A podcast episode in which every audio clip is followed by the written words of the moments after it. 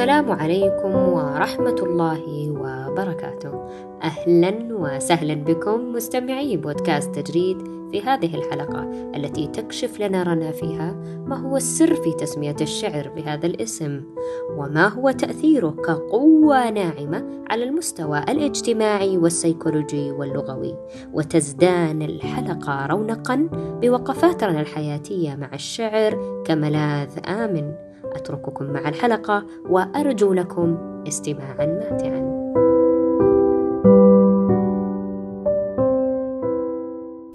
فالشعر ليس من الشعور وإنما هو لحظة الإدراك أننا نشعر. هو أن يفاجئنا النسيم بفكرة مرت ببال الكون وهو يفكر.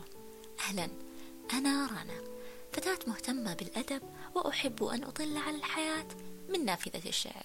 أشكر تجريد أولا على إتاحة هذه الفرصة لي لأريكم كيف تبدو الحياة من عيناي وكيف أنقذني الشعر مرات كثيرة. اليوم وعبر نافذة الشعر سنرى شكلا مختلفا للحياة وكيف صورها لنا الشعراء. نجهل كيف بدأ الشعر العربي ولكن لابد أن الإنسان شعر بحاجة له فاخترعه. اخترعه للتعبير عن خلجات نفسه فلم يكن همه الأساسي كيف يتواصل به. بل كيف يصف ما يشعر به ويعبر. فبه استطاع أن يفصل ما يجول في خاطره وكان أقوى تأثيرا على متلقيه. فمكنه الشعر بالأرض ورفع به. هنالك رابطة قوية بين من يكتب الشعر وبين من يتلقاه. رابطة لا نراها بأعيننا ولكن نشعر بها. وكأن الاثنان يتشاركان حالة نفسية واحدة برغم الفارق الزمني والمكاني فالشاعر وجد بالشعر فرصة ليظهر روحه والمتلقي وجد أحدا عبر عن حاله فاطمئن. يعبر الشعراء برقة إحساسهم فتتحرك النفوس وتقشعر الأبدان وتئن القلوب يعلن الحب بأبيات ويهون الإنسان المصائب بأبيات تبدأ الحرب بأبيات ويؤخذ الثأر بأبيات. لنا في قصص العرب عبر كثيرة. كيف كان للشعر حضور قوي وأثر عليهم. فمثلا من أشهر قصص الثأر هي قصة الزير سالم الذي أخذ ثأره بعد موته فعندما تآمر العبدان على الزير سالم وقررا قتله وهم في رحلة من السفر ولم يكن حولهم أي شهود لم يجد الزير سالم سوى وسيلة الشعر لينتقم بها حين خانه جسده. سألوه عن وصيته الأخيرة فلقنهما بيتا من الشعر وتأكد أنه ما حفظه.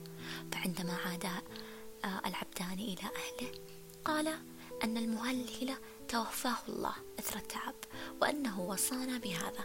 وكانا يقولان من مبلغ الحيين أن مهلهلا لله دركما ودر أبيكما ولكن الجليلة تزير سالم. استغربت هذه الأبيات الركيكة وأكملتها بما يليق. قائلة من مبلغ الحيين أن مهلهلا أمسى قتيلا في الفلاة مجندلا لله دركما ودر أبيكما لا يبرح العبدان حتى يقتلا وهنا نندهش من بلاغة الجليلة وفطانتها أن استطاعت أن تكمل الأبيات من نفسها. وأيضا من القصص التي توضح قوة الشعر في التأثير على نفوس العرب أنه كان يرفع أقواما وينسف آخرين. يقال أن الراعي النميري هجاه الشاعر جرير يوما لاختلاف بينهما. قائلا فغض الطرف إنك من نمير فلا كعبا بلغت ولا كلابا. وظلت هذه الأبيات لعنة تلاحق كل أبناء عشيرة نمير. ومن طريف القصص أن شبانا من نمير أرادوا يوما مغازلة فتاة في السوق فردت عليهم قائلة لا لقول الله أطعتم ولا لقول جرير سمعتم؟ ومن هنا نستطيع أن نستنبط أن للشعر أساس مكين في أنفسنا العربية أصالة جبلنا عليها ولأننا نملك لغة غنية وبليغة.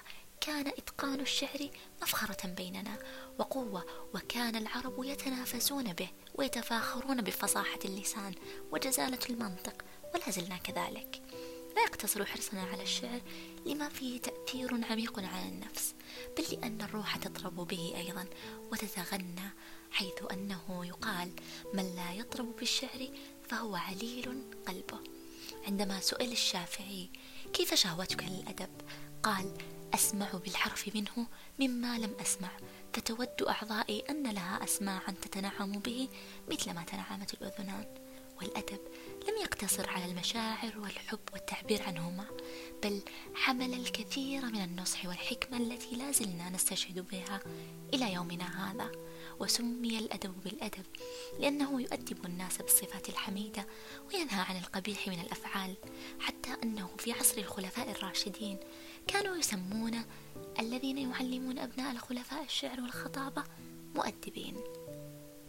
ومن الأبيات الشعرية التي تزين النفس وتدعوها للسمو يقول الشاعر لا تقطعن يد الإحسان عن أحد ما دمت تقدر والأيام تارات فاشكر فضيلة صنع الله إذ جعلت إليك لا لك عند الناس حاجات. والشافعي كان يقول أيضا صن النفس واحملها على ما يزينها. تعش سالما والقول فيك جميل. ولا تولين الناس إلا تجملا. نبى بك دهر أو جفاك خليل. وإن ضاق رزق اليوم فاصبر إلى غد. عسى نكبات الدهر عنك تزول. وكان الشافعي مثالا يحتذى به. فكان يحثنا على الترفع والأخلاق الحميدة. يقول يخاطبني السفيه بكل قبح فأكره أن أكون له مجيبا يزيد سفاهة فأزيد حلما كعود زاده الإحراق طيبا. أما عن نفسي فكان الشعر رفيقا لي في كل أحوال حياتي أنيسا ومواسيا وكنت في أوقات كثيرة أطبب نفسي به فحين الحزن وقرب اليأس أواسي نفسي بقول الشاعر حكم المنية في البرية جاري ما هذه الدنيا بدار قراري بين يرى الإنسان فيها مخبرا حتى يرى خبرا من الأخبار طبعت على كدر وأنت تريدها. صف من الأقداء والأكدار ومكلف الأيام ضد طباعها متطلب في الماء جدوة نار. وإذا رجوت المستحيل فإنما تبني الرجاء على شفير هاري فالعيش نوم والمنية يقظة والمرء بينهما خيال. ساري فقضوا مآربكم حجالا إنما أعماركم سفر. من الأسفار. وإن رأيت المصائب تتكالب. وازدادت الليالي سوادا هونت على قلبي بترديد أبيات الشافعي. دع الأيام تفعل ما تشاء.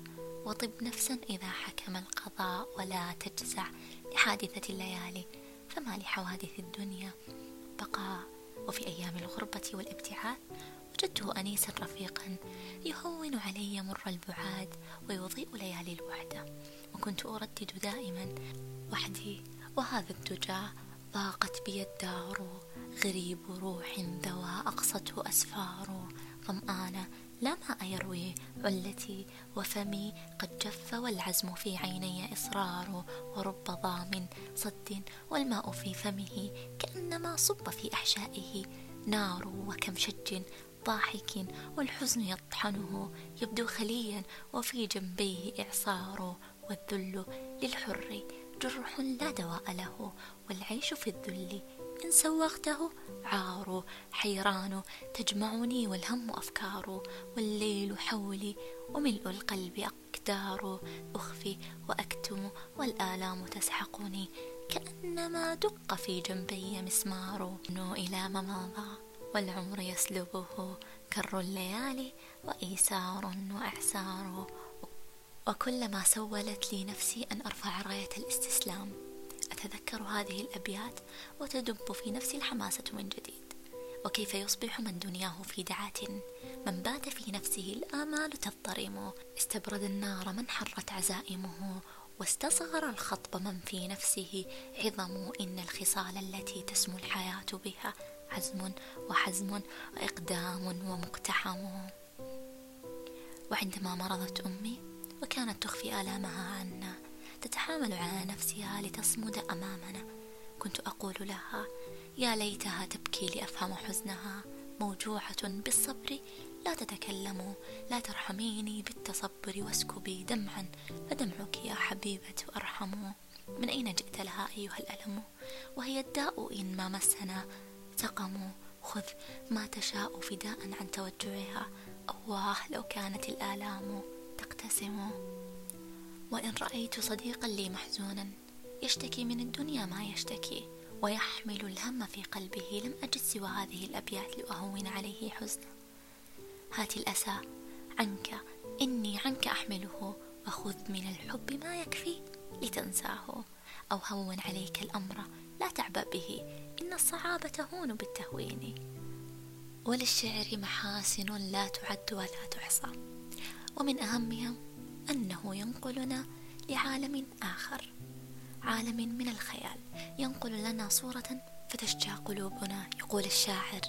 لما تلاقى العاشقان عشية أخفى صبابته وأخفت وجدها وتبادلا نظرات حب صادق.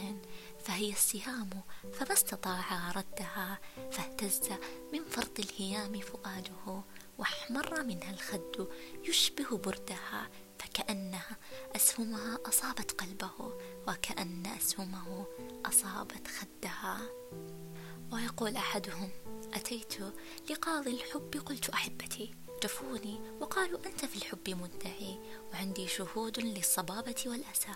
يزكون دعواي إذ جئت أدعي سهادي ووجدي واكتئابي ولوعتي وشوقي وسقمي واصفراري.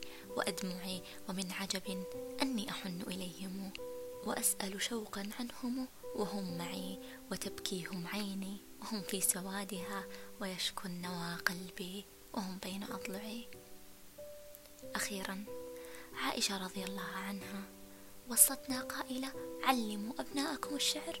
تعذب ألسنتهم وإن عذب اللسان تفتح العقل وازدان الفكر وعرفنا للحياة شكلا أجمل.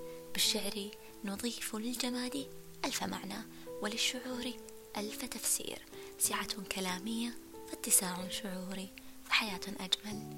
لأجل الشعر يا ليلى سيولد في الطريق طريق بدمع قصيدة نبكي بإيقاع النصوص نفيق نحلق في المجاز كمن يعيش ليعشق التحليق. كل الود رنا.